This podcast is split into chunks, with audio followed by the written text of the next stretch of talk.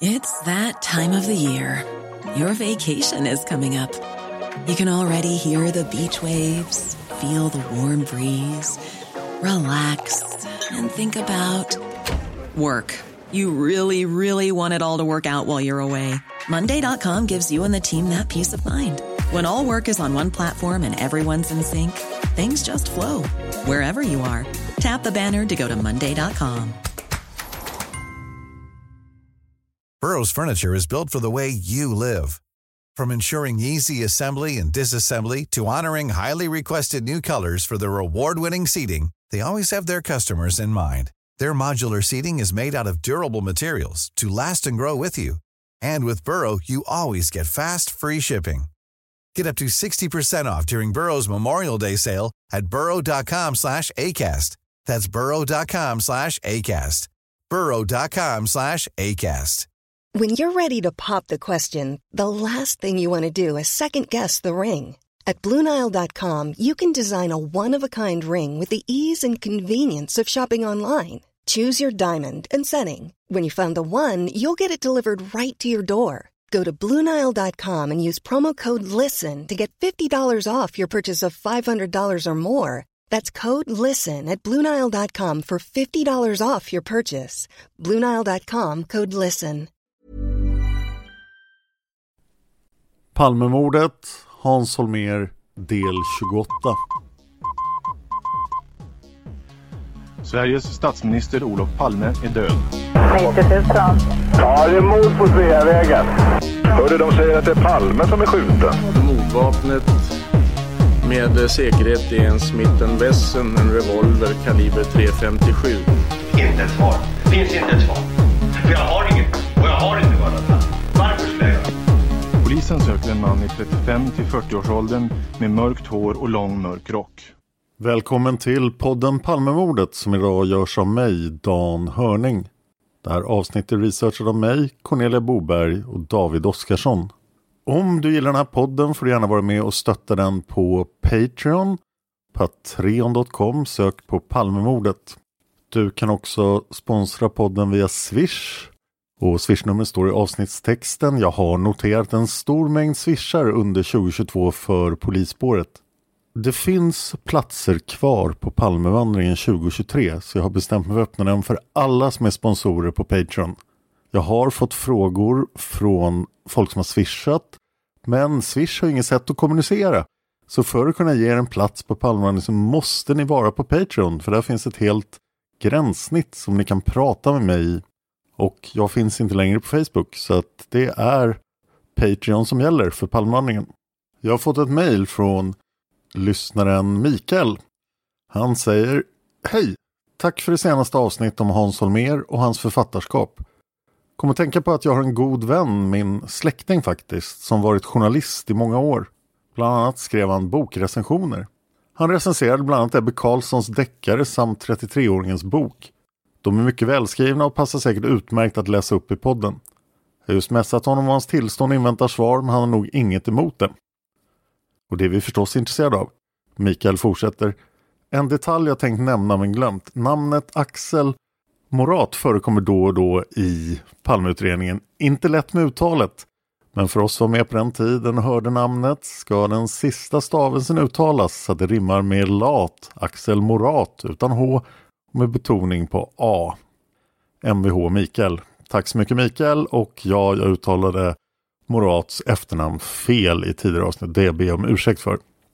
Vi är på 1996 i vår historia om Hans Holmér.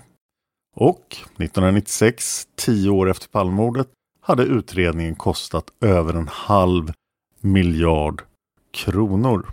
I februari 1996 var Hans Holmér med i tv igen. Tillsammans med Sigvard Marjasin och Jan Danielsson gästade Holmér SVTs Striptease, Norra Magasinet. Utfrågningen kan ni själva se på Youtube. Lars Borgnäs och Thomas Bresky började programmet med en kort inledning där man kan skymta en försluten Hans Holmér iklädd en klassisk 90-tals beige gul kostym. Ungefär fem minuter in i programmet riktas strålkastarna mot Hans Holmér som får sin första fråga. Frågan handlar om huruvida han kunde tänka sig en annan slutsats än en ensam galning eller en konspiration. Kanske möjligtvis en svensk konspiration. Hans Holmér väger orden noga, tar ton och säger citat Det är nödvändigt att när man tittar på ett mord av det här slaget att man undviker varje form av tunnelseende. Man måste hela tiden ha alla bollar i luften. Det är omöjligt när man driver en utredning framåt att hela tiden vara objektiv. Det går inte. Ibland tror man att ett spår är viktigare än de övriga. Man måste hela tiden ha klart för sig vad man vet och vad man inte vet. Slut citat.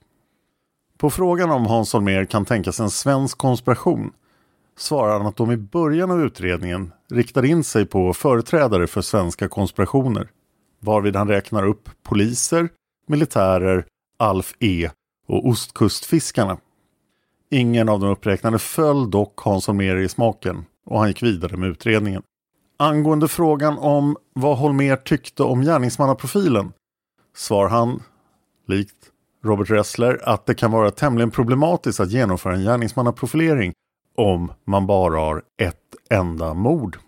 Senare i programmet riktar sig programledarna in sig på Säpo och eh, andra walkie-talkie-försedda personer som var ute på stan den kvällen då Olof Palme mördades. På det svarar Holmer att Säpo gjorde en kontroll av händelserna och kom fram till slutsatsen att det inte hade funnits några spanare ute i fält under mordkvällen. Hans Holmer tillägger dessutom att skulle mordet röra sig om proffs så springer inte proffs runt och tydligt visar upp kommunikationsradioapparater för vem som helst att beskåda.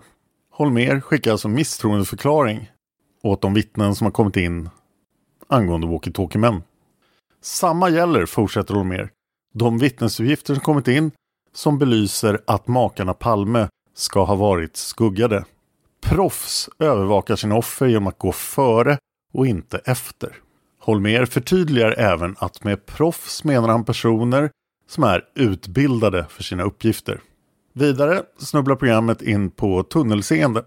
Lars Borgnäs riktar sin uppmärksamhet mot Holmer och frågar om PKK-spåret var den tunnel som han själv fastnade i.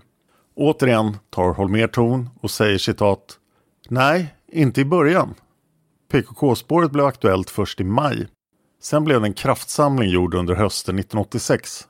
Visserligen kan man säga att det var en stark kraftsamling och en tunnel vi arbetade i mot PKK, men vi höll hela tiden en bredd i utredningen. Slut citat. Holmer berättar vidare att han inte var inne i någon tunnel för tillfället, men att han ansåg att man borde gå vidare med misstankarna mot PKK.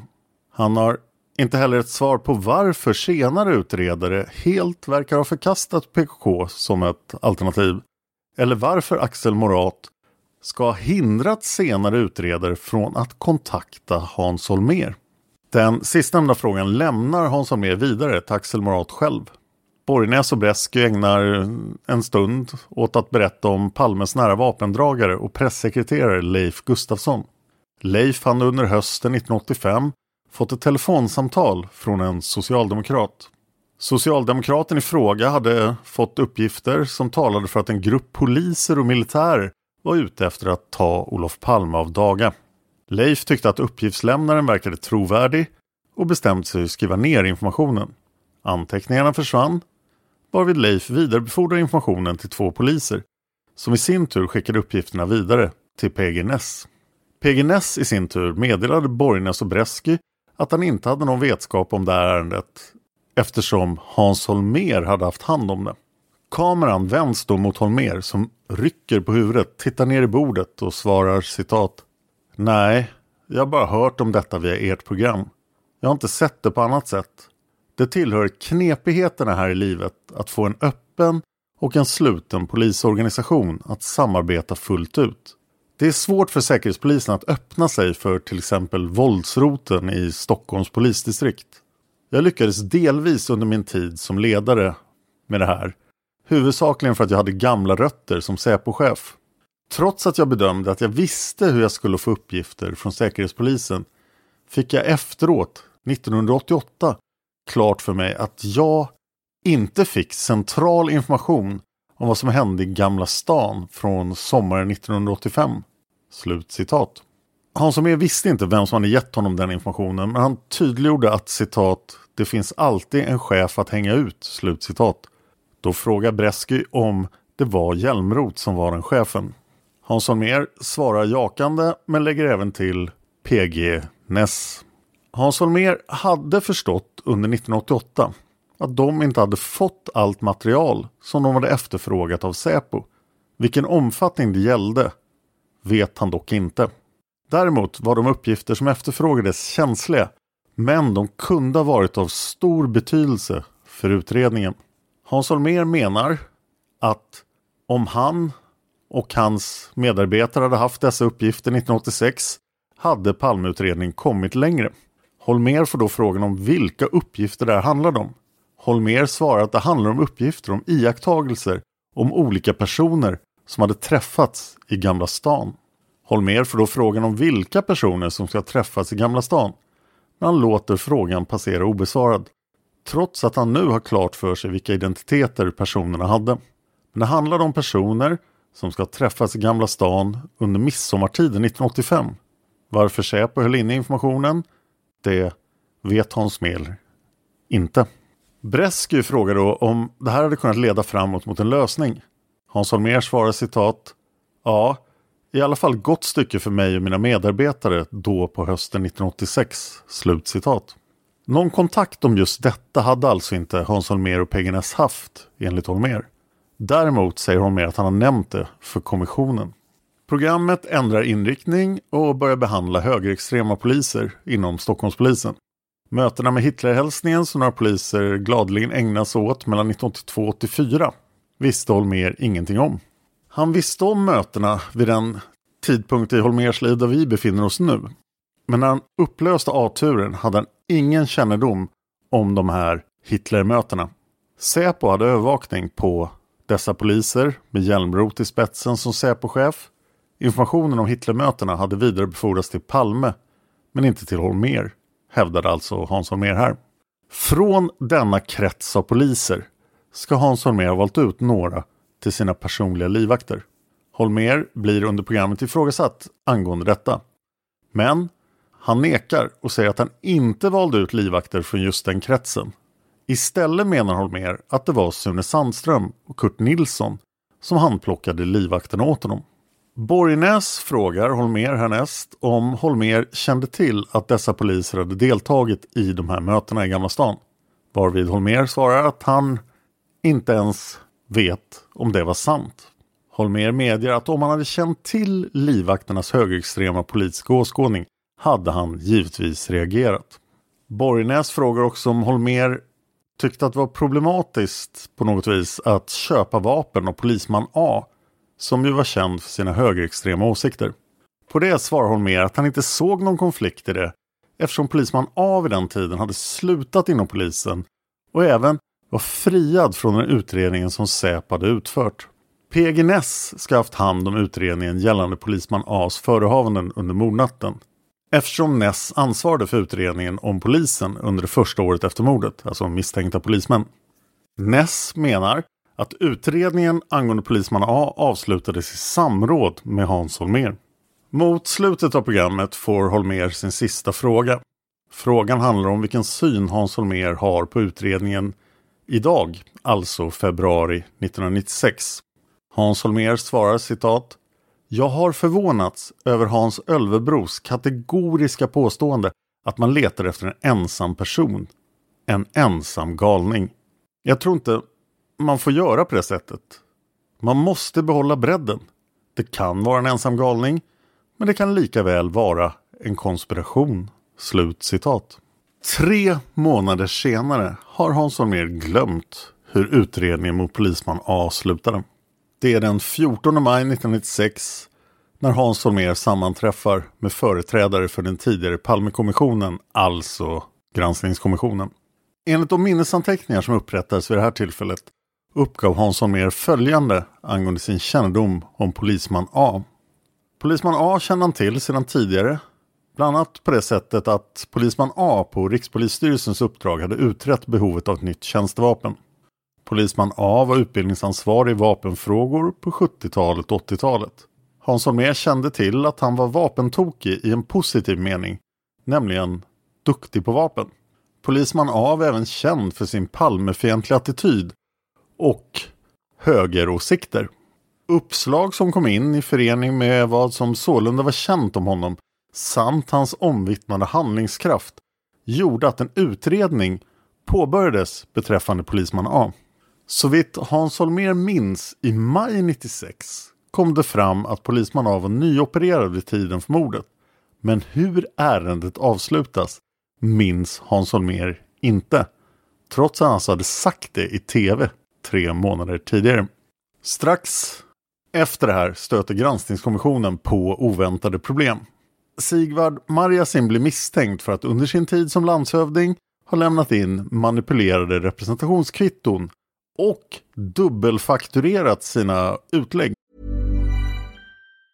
There's never been a faster or easier way to start your weight loss journey than with PlushCare. PlushCare accepts most insurance plans and gives you online access to board-certified physicians who can prescribe FDA-approved weight loss medications like Wigovi and Zepbound for those who qualify. Take charge of your health and speak with a board-certified physician about a weight loss plan that's right for you. Get started today at plushcare.com slash weight loss. That's plushcare.com slash weight loss. plushcare.com slash weight loss. This is Paige, the co-host of Giggly Squad, and I want to tell you about a company that I've been loving, Olive and June. Olive and June gives you everything that you need for a salon quality manicure in one box. And if you break it down, it really comes out to $2 a manicure, which is absolutely insane. It's also so easy to get salon worthy nails at home with Olive and June. The difference between how your nails used to look when you did them yourself and now with the Manny system is a complete game changer. The best thing about Olive and June too is it's a quick dry. Dries in about one minute, lasts for five days, and full coverage in up to one to two coats. Visit oliveandjune.com slash perfectmanny20 for 20% off your first system. That's oliveandjune.com slash perfectmanny20 for 20% off your first system.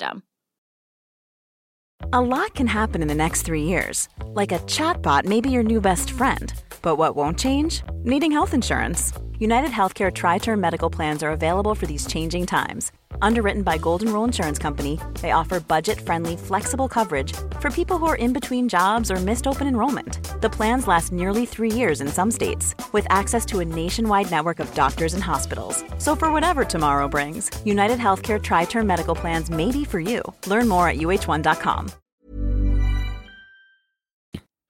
Sigvard Marjasin, granskningskommissionens ordförande, blir alltså åtalad för trolöshet mot huvudman, bedrägeri och undertryckande av urkund. Marjasin kommenterade åtalet med att han har handlat klantigt men inte oetiskt eller brottsligt. Till slut friades Marjasin helt av rätten där domen klargjorde att Marjasin inte hade haft någon redovisningsskyldighet. Marjasin blev i samband med åtalet utsatt för en omfattande mediebevakning, särskilt under sommaren 96, då Marjasin med hänsyn till pågående polisutredning inte ville eller kunde uttala sig för pressen. Sigvard Marjasin avgår som chef över granskningskommissionen. Han entledigas från ordförandeposten den 6 juni 1996. Det här innebär att granskningskommissionen tappar fart. Enligt Wikipedia arbetar den inte överhuvudtaget mellan 6 juni och 15 augusti 96 och därefter entledigades flertal experter och två sekreterare från sina uppdrag. Den 15 augusti 96 utses Lars-Erik Eriksson till ny ordförande för granskningskommissionen, som alltså fortfarande heter Palmekommissionen. Granskningskommissionen själva kommenterar det här citat. Mot den angivna bakgrunden har granskningskommissionen efter omstarten den 30 augusti 1996 överenskommit med Palmeutredningen om formerna för materialets granskning. Överenskommelsen innebar att kommissionen accepterade Palmeutredningens önskemål att materialet inte ska lämna polisen. Polisen har ställt tjänsterum till förfogande för kommissionen som därigenom kunnat få tillgång till utredningsmaterialet.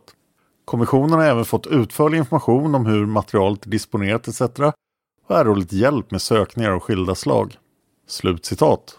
Kanske var Palmeutredningen rädda för att granskningskommissionen skulle klippa och klistra i Palmeutredningen.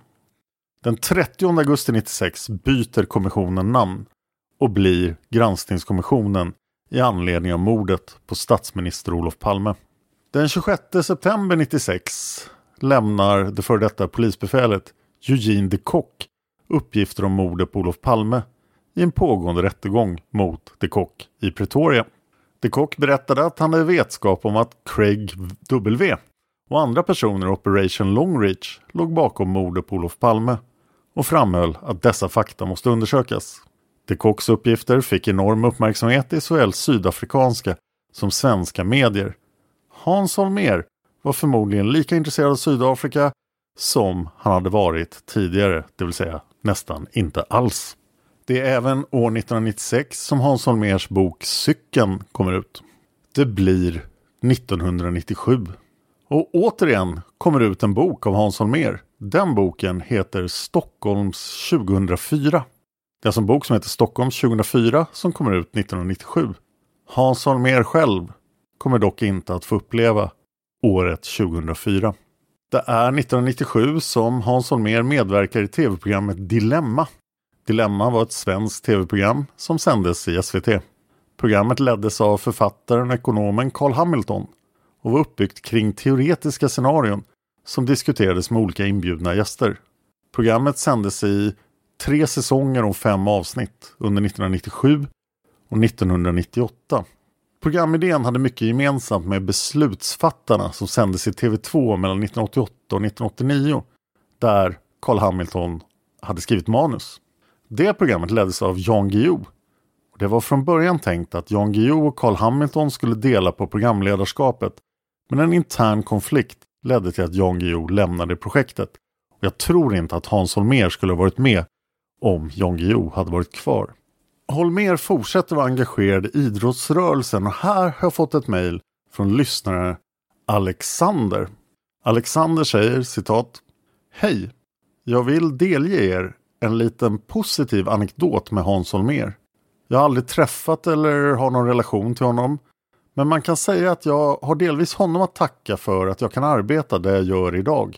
Jag är kanslist på Svenska Styrkelyftförbundet. Jag skriver ett nyhetsbrev ibland och i år är det 25 år sedan förbundet bildades och detta blev Hans Holmér en del i. Läs gärna. Så citat från nyhetsbrevet. STF skrev en motion till RF-stämman om att SSF skulle få bli medlemmar. Inför RF-stämman hade RFs styrelse yrkat på avslag av motionen så det såg inte så ljust ut. Jag satt där på stämman och funderade på hur jag skulle gå tillväga när jag plötsligt hör en bekant röst bakom mig. Hej Christer! Det var den före detta Säpo-chefen och Palmemordutredaren Hans Holmér, numera avliden, som jag är bekant med mest från idrottssammanhang. Efter den delen av mötet var lunchpaus och jag och Holmér lunchade ihop. Jag nämnde att jag hade ett problem som jag behövde hjälp med och bad honom att försöka hjälpa oss. Som jag minns det representerade Holmér då Svenska kanotförbundet, berättar alltså Christer i det här gamla brevet. Och när det var dags för vår motion så gick Hans Holmér fram och höll ett helt fantastiskt brandtal. Det var ungefär någonting sånt här han sa. Idrotten som vi alla här representerar är en stor familj.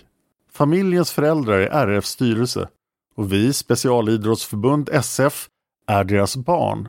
Nu är det så här att familjen består också av två tvillingsyskon. Alla syskon har varsina rum där man får sköta sitt eget, men tvillingsyskonen har delat rum och nu vill de också ha varsitt rum. Föräldrarna tycker inte det, men vi som syskon tycker att det är mest rättvist att även de får varsitt rum. Det lite humoristiska talet med den fina liknelsen gav upphov till en hel del skratt och stämman körde faktiskt över styrelsen och därmed var Svenska Styrkelyftbundet inröstade i familjen RF. Idag hade det varit betydligt svårare då familjen har växt och man vill hellre att förbund går ihop än delas. Tillbaks till verkligheten och övriga i styrkelyftsfären så var förvirringen total. Inte många hade trott att det skulle gå vägen och hur, hur det skulle gå till nu. Hur skulle vi få till allt? Det här bevisar om inte annat att Hans Holmér var en finurlig och talbegåvad man. Slutcitat. Tack Alexander. Under 1998 kom Hans Holmers bok Krysset ut. Det blir 1999 och den 29 juni 1999 kommer till sist granskningskommissionens betänkande. hela rapporten. Den som ni förhoppningsvis alla har läst. Den rekommenderas varmt. Det är en fantastisk bok om Palmemordet. Inte alla är positiva. Lars Borgnäs var skeptisk. Efter att kommissionen avlade sitt betänkande gjorde Lars Borgnäs ett reportage om granskningen och lyfte då fram kommissionens slutsatser i olika utredningsuppslag, främst inom polisspåret. Inga-Britt Lenius var inte heller helt positiv, trots att hon var inblandad. Och i Fokus från den 26 februari 2016 kan man läsa citat. Inga-Britt Lenius, en gång stridbar generaldirektör för Riksrevisionsverket, talar om institutionernas sammanbrott, om hur det svenska statsstyret inte fungerade längre, det vill säga denna balans mellan en regering och självständiga myndigheter i skydd av grundlagen. Hon talar om sin tid i granskningskommissionen som en ögonöppnare. Jag insåg att världen är mycket ondare än vad jag föreställt mig. Lite senare i samma fokusartikel. Så tillvida kan det sägas att regeringens inblandning i mordutredningen inte upphörde genom det beslut som fattades den 5 februari 1987, alltså Hans Holmers avgång. Ett problem för kommissionen var att så lite fanns dokumenterat i regeringskansliet. Inga handlingar, inga protokoll, inga mötesanteckningar. Ändå en slutsats. Här var det inte bara fråga om att polismakten överskrid sina befogenheter och bröt mot lagen utan om att sätta hela det rättsliga kontrollsystemet ur spel. Inga-Britt Ahlenius får frågan om vad som hände efteråt och hon svarar kort ingenting hände efteråt. Slut citat fokus. En fråga som granskningskommissionen i sin rapport förstås var tvungen att ta ställning till var Hans Holmers ledarskap för Palmeutredningen. Granskningskommissionen säger citat Rikspolisstyrelsen eller Stockholmspolisen borde Rikspolisstyrelsen ha övertagit ledningen och ansvaret för mordutredningen. Som framgått skulle det ha varit rikspolischefens principiella uppfattning att så borde ha skett, men att lagen inte medgav detta. Juristkommissionens ställningstagande i denna fråga ter sig en aning svävande. Men det står klart att kommissionen tvekade att sätta sig till doms över den ordning som valdes. I de resonemang som redovisas framförs flera argument för att ledningen borde ha lagts hos Rikspolisstyrelsen. Följande bedömning avrundar argumentationen. Enligt vår mening kan det sättas i fråga om inte Rikspolisstyrelsen redan på de grunder som finns angivna i styrelsens instruktion kunde ha övertagit polisledningen i detta fall. Gärningen synes på goda skäl kunna betecknas som ett brott mot rikets säkerhet. Samtidigt framstod inte behovet av ett centralt ledningsansvar som särskilt starkt enligt juristkommissionen eftersom samarbetet enligt uppgift skulle ha flutit väl mellan de olika polisenheterna. Innan misshälligheterna mellan polis och åklagare ledde till en förändring av organisationen fanns det därför inte några skäl för att flytta över ledningsansvaret till Rikspolisstyrelsen. Det resonemang som juristkommissionen för i detta sammanhang, säger granskningskommissionen, är innehållsrikt men inte entydigt. Det är ett intryck av att juristkommissionen egentligen ansåg att det bästa hade varit om Rikspolisstyrelsen hade övertagit ansvaret. I sammanfattningen återkommer dock den samlade bedömningen att det inte var fel att låta ansvaret ligga kvar hos Stockholmspolisen. En angränsande fråga gällde anlitandet av Rikspolisstyrelsens våldsrotel. Juristkommissionen noterade att roten kunde utnyttjas för förstärkning i hela landet, men att det sällan hade förekommit att den hade tagits i anspråk i något av storstadsdistrikten. De skäl som angetts för att roten nu inte utnyttjades, det vill säga att det skulle ha berott på rivalitet och samordningsproblem, var enligt juristkommissionen inte acceptabla. Om det fanns hinder av det slaget måste det ankomma på myndigheterna att undanröja de hindren för framtiden. Sammantaget var det enligt juristkommissionen en brist att den kunskap och erfarenhet som fanns vid de båda enheterna, det vill säga våldsrotlarna vid Rikskriminalen och Stockholmspolisen, inte kunde utnyttjas gemensamt. Parlamentariska kommissionen konstaterade kort att många skäl talade för att det var riktigt att Polismyndigheten i Stockholm ledde polisarbetet i brottsutredningen och förde därutöver resonemang kring hur samordningsfrågor skulle kunna lösas i framtiden. På annat ställe framgår att kommissionens principiella uppfattning var att Rikspolisstyrelsen inte ska utöva polisledning. Samtidigt påpekades att regeringen oförhindrad att i särskilda fall uppdra åt Rikspolisstyrelsen att leda viss polisverksamhet. Det är möjligt att den parlamentariska kommissionen med detta ville ha sagt att det hade varit regeringens sak att ta ställning till hur brottsutredningen skulle ledas. I alla händelser påpekades i sammanhanget att regeringen hade utnyttjat denna möjlighet i sitt beslut från den 5 februari 1987 som just hade innebörden att Rikspolisstyrelsen skulle leda polisverksamheten i anledning av Palmemordet. Ad hoc-organisation eller enligt beredskapsplan. Som framgått var det polisledningens mening att organisationen bör sättas samman ad hoc vid händelser av detta slag. Beredskapsplanen hade kommit ur bruk och bakom detta låg ett medvetet ställningstagande. Juristkommissionen sa sig inte ha underlag för att påstå att detta synsätt allmänt sett är fel.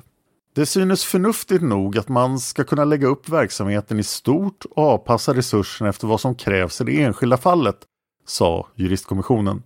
Men detta är inte detsamma som att beredskapen längre ner inom de deltagande enheterna var tillfredsställande. I en beskrivning av vad som krävs vid utredandet av spaningsmord skriver juristkommissionen i motsats till vad som gäller för de allra flesta andra typer av brottsutredningar kräver utredningen av ett spaningsmord som regel en fastlagd organisation och inarbetade rutiner för att ha förutsättningar att fungera väl. En orsak härtill är den stora resursinsats som brukar förekomma i inledningsskedet och som i sig ställer särskilda krav på samordning och ledning. En annan är att arbetet kan komma att löpa under mycket lång tid och att kraven på dokumentation av detaljuppgifter därför är större än annars. Ett snabbt och rutinerat igångsättande av spaningsarbetet i inledningsskedet är mycket betydelsefullt. På annat ställe anför juristkommissionen som en allmän synpunkt att det otvivelaktigt är en styrka i polisarbetet, inte minst i ovanliga och pressade situationer, att man kan falla tillbaka på tidigare planläggning och på intränade roller och rutiner. Det må visserligen vara riktigt att det också behövs flexibilitet och förmåga att anpassa verksamheten till vad en ny och oväntad situation kräver. Likväl innebär det, här som i andra sammanhang, vissa risker att improvisera. Redan ordvalet improvisera synes uttrycka en visst avståndstagande. Juristkommissionen sa sig inte heller för sin del ha blivit övertygad om att det sakligt sett fanns tillräckliga skäl att efter det inledande skedet bedriva brottsutredningsarbetet med en sådan ledningsorganisation och ett sådant direkt deltagande av Polismyndighetens högsta ledning som det blev fråga om. En risk med att improvisera, som juristkommissionen särskilt uppmärksammade, var att det är en stor verksamhet kan bli svårt att få den tillskapade organisationen att slå igenom och fungera. Det kan uppstå oklarheter och missförstånd. Enligt polisledningen skulle det inte ha uppstått några oklarheter. Juristkommissionen ifrågasätter detta och pekade på att det aldrig lämnades någon samlad och dokumenterad information om spaningsorganisationen om ansvars och uppgiftsfördelningen mellan ledningsgrupperna och de medverkande enheterna. Juristkommissionen uttalade vidare Saken blev rimligen inte bättre av att ledningsgruppens uppgifter ändrades och att dess befattning med spaningsledningen efterhand blev en annan än den ursprungligen avsedda. Den uttalade kritiken mot förhållandena längre ner i organisationen tog sikte på beredskapen inom våldsroten. Juristkommissionen anförde Det kan naturligtvis göras gällande att en så stor myndighet som Polismyndigheten i Stockholm har sådana resurser att man kan klara det mesta utan att behöva en särskild beredskapsplan eller speciella rutiner för hur arbetet ska organiseras i ett enskilt ärende. Vi menar att vad som faktiskt inträffade visar att ett sådant påstående inte är hållbart. Mycket talar för att förutsättningarna för att snabbt organisera de vitala funktionerna på våldsroten, tipsmottagning och registrering skulle ha varit väsentligt bättre om man hade haft en fungerande planläggning. Enligt vår mening kom verksamheten i inledningsskedet i högre grad än som kan förklaras av den extraordinära situationen som sådan att präglas av improvisation och brist på organisatorisk stabilitet.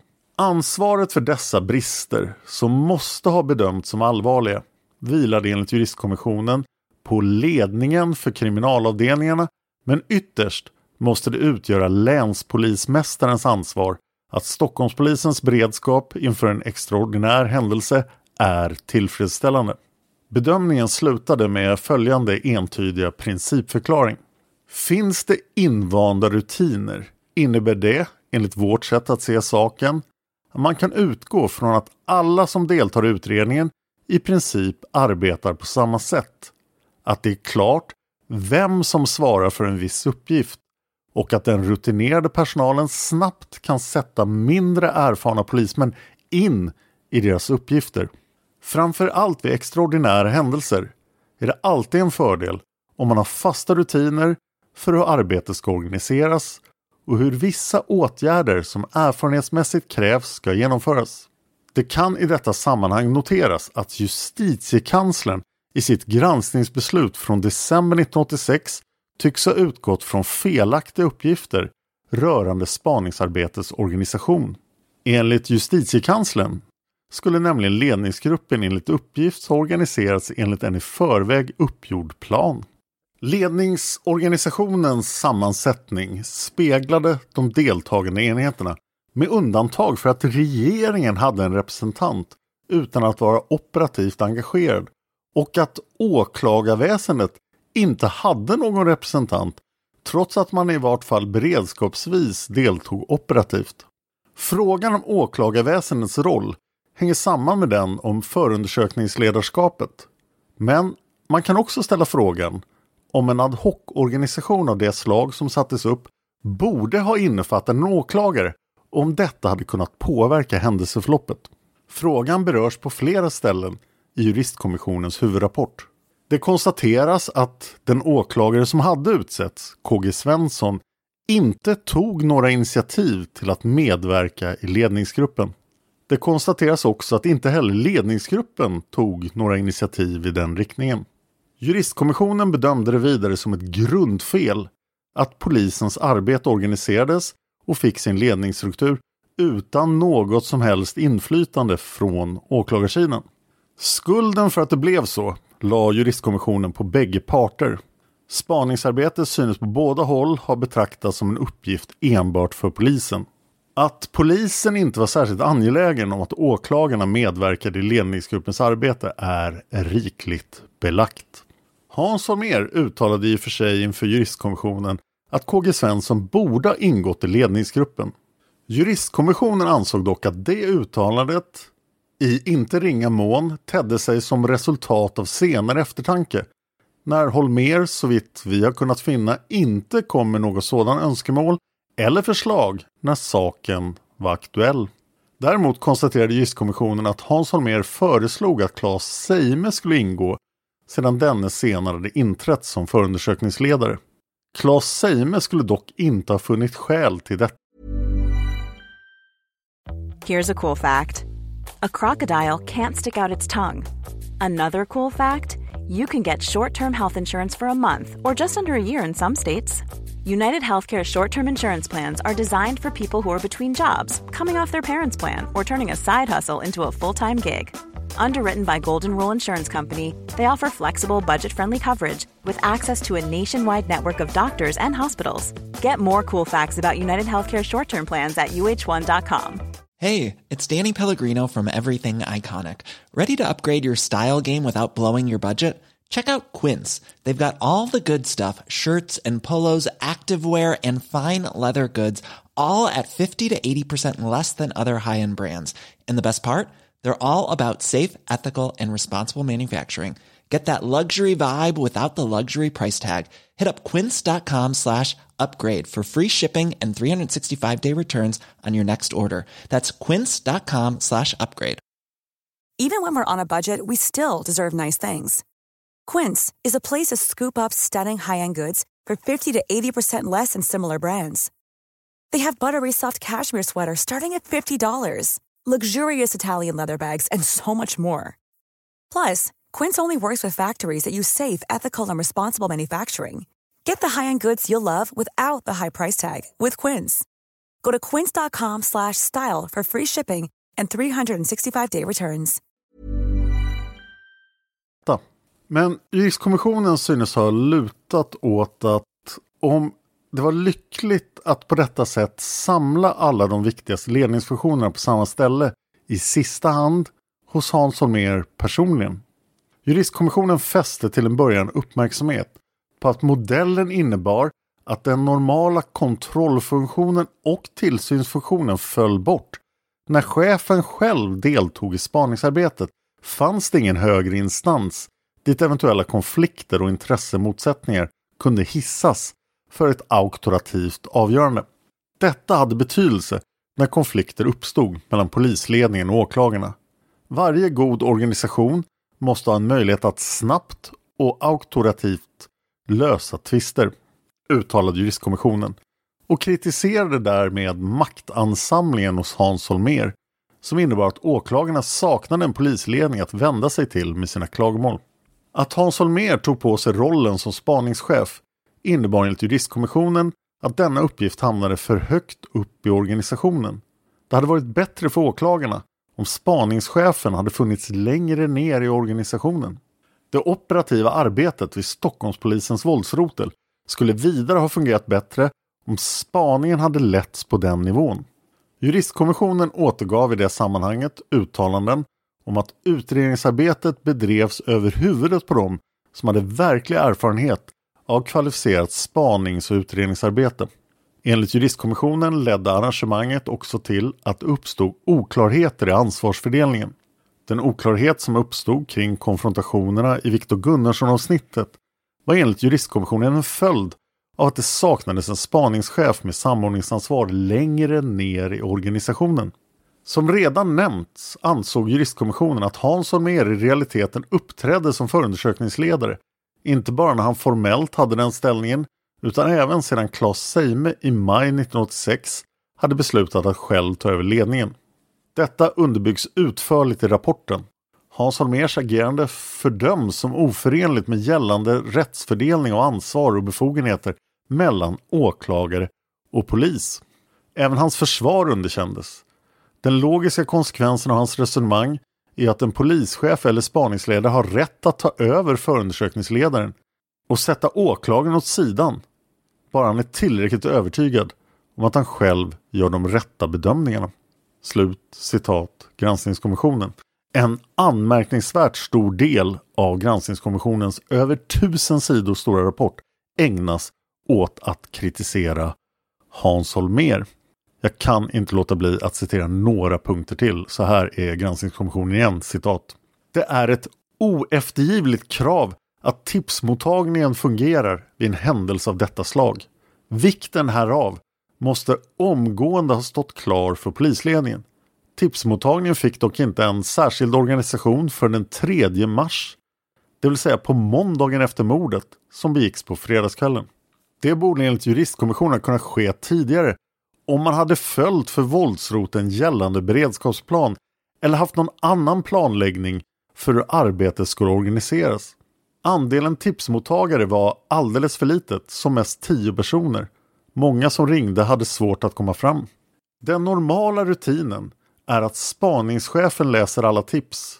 Uppgiften anses inte böra delas av flera eftersom möjligheten till överblick och samordning av spaningsarbetet då kan bli lidande. I detta fall sattes en erfaren kommissarie att läsa alla tips. Uppgiften var utomordentligt krävande och trots en arbetsinsats långt utöver den normala kom tipsläsning att bli en i viss mån fördröjande faktor. Juristkommissionen ifrågasatte ordningen. Den innebar en stor sårbarhet för organisationen. Någon uttrycklig kritik föranledde detta dock inte. Men frågan borde uppmärksammas inför framtiden, ansåg kommissionen. Registreringen av inkommande tips blev på grund av det stora inflödet en flaskhals. Det fanns ingen beredskap för att utöka den befintliga registerfunktionens kapacitet. En förenklad registrering borde ha övervägts, men det skedde inte. Juristkommissionen konstaterade att när dess arbete avslutades fanns det fortfarande åtskilligt oregistrerat material. I februari 1987, ett år efter mordet, fanns det cirka 2000 allmänna tips som var oregistrerade. Detta gällde visserligen sådant som vid en inledande bedömning åsatts låg prioritet. Men juristkommissionen framhöll att ett ofullständigt register har ett mindre värde än ett fullständigt. Att registrering var en flaskhals fick konsekvenser så tillvida att ledningen var tvungen att dela ut kopior av oregistrerade tips till utredningspersonalen. Det ledde till att spaningsledningen förlorade överblick över arbetsläget. Det ledde också till oordning. Det förekom att samma uppgift delades ut till flera polismän. Vilket förutom att det brände resurser försvårade arbetet och orsakade irritation. Till exempel hos uppgiftslämnare som blev förhörda flera gånger om samma sak. Det synes hos utomstående ett intryck av att den ena handen inte visste vad den andra gjorde, vilket den således inte heller alltid gjorde. Slutcitat Juristkommissionen säger vidare citat När tipsflödet var som intensivast tvingades tipsmottagarna tidvis stänga av telefonerna för att hinna med att skriva ner alla de tips de redan hade fått. De satt vidare inte samlade. Vissa av dem fick byta tjänsterum varje dag. Först i mitten av mars samlades tipsmottagningen till ett ställe. I det inledande skedet påbörjade Rikskriminalen en egen ärenderegistrering eftersom huvudregistreringen inte fungerade. Registreringen dubblerades på så sätt. Efter att en samordning hade skett går det numera inte att avgöra när dessa handlingar registrerades om det skedde före den 10 mars 1986. Slutcitat. Granskningskommissionen är inte nådiga mot Hans mer och det är svårt att inte tycka att Hans mer kunde ha gjort ett bättre arbete. Kritiken kommer att fortsätta i nästa avsnitt som också kommer att bli det absolut sista avsnittet i den här 29 avsnitt långa serien om Hans Holmér. Jag finns på Twitter och Instagram. Jag heter Dan Hörning så jag är lätt att hitta. Om du tycker om olösta fall så gör jag även en podd som heter Olösta mord. Där vi kanske inte gör 400 avsnitt om ett enskilt fall. Det största fall vi har gjort där är Sven Sjögrens försvinnande på Gotland. Där vi gjort fler än 37 avsnitt. Just nu håller vi på att granska två svenska turisters försvinnande på Nya Zeeland. Ett tips är också att ni kollar in palmemordsarkivet.se. Det är ju Facebookgruppen FUP och övriga handlingar som har sammanställt ett antal dokument som har kommit ut från Palmeutredningen. Så palmemordsarkivet.se har mycket spännande läsning och är också en källa för delar av de här avsnitten. Vill du diskutera Palmemordet med likasinnade så rekommenderar vi Facebookgrupperna Studio Palmemordet och Palmerummet. Jag vill jättegärna ha iTunes-recensioner på den här podden. Så om du lyssnar på ett Apple-device så lämna gärna en recension. Alla kommer att läsas i podden förr eller senare. Och om du tycker att jag är för hård mot Hans Holmér i de här avsnitten så kommer jag att skildra Hans Holmér betydligt mer positivt när vi tar upp PKK. Det kommer också bli ett stort antal avsnitt. Podden Palmemordet finns inte längre på Facebook så det bästa sättet att kontakta oss är att mejla. Och mejladressen är simwaypodcast.gmail.com simway med z simwaypodcast.gmail.com Den e-mailadressen fungerar för alla mina poddar inklusive Olösta mord, Seriemördarpodden, Massmördarpodden och Mördarpodden. Tack till alla som sponsrar podden Palmemordet på Patreon. Ni är alltså alla välkomna till Palmevandringen. Men skicka mig ett meddelande på Patreon för att få en plats. Tack till Gunnar Wall och Juan Esposito som har hjälpt mig med researchen här också. Tack till Lukas för musiken. Tack till expertgruppen, vår jurist och researchassistenter. Tack till Cornelia, David och Tobias. Och tack till dig för att du lyssnar på Palmemordet. Man hittar Palmes mördare om man följer PKK-spåret till botten. Därför att ända sedan Julius Caesars tid har jag aldrig hört talas om ett mord på en framstående politiker som inte haft politiska skäl. Polisens och åklagarens teori var att han ensam hade skjutit Olof Palme. Och det ledde också till rättegång. Men han frikändes i hovrätten.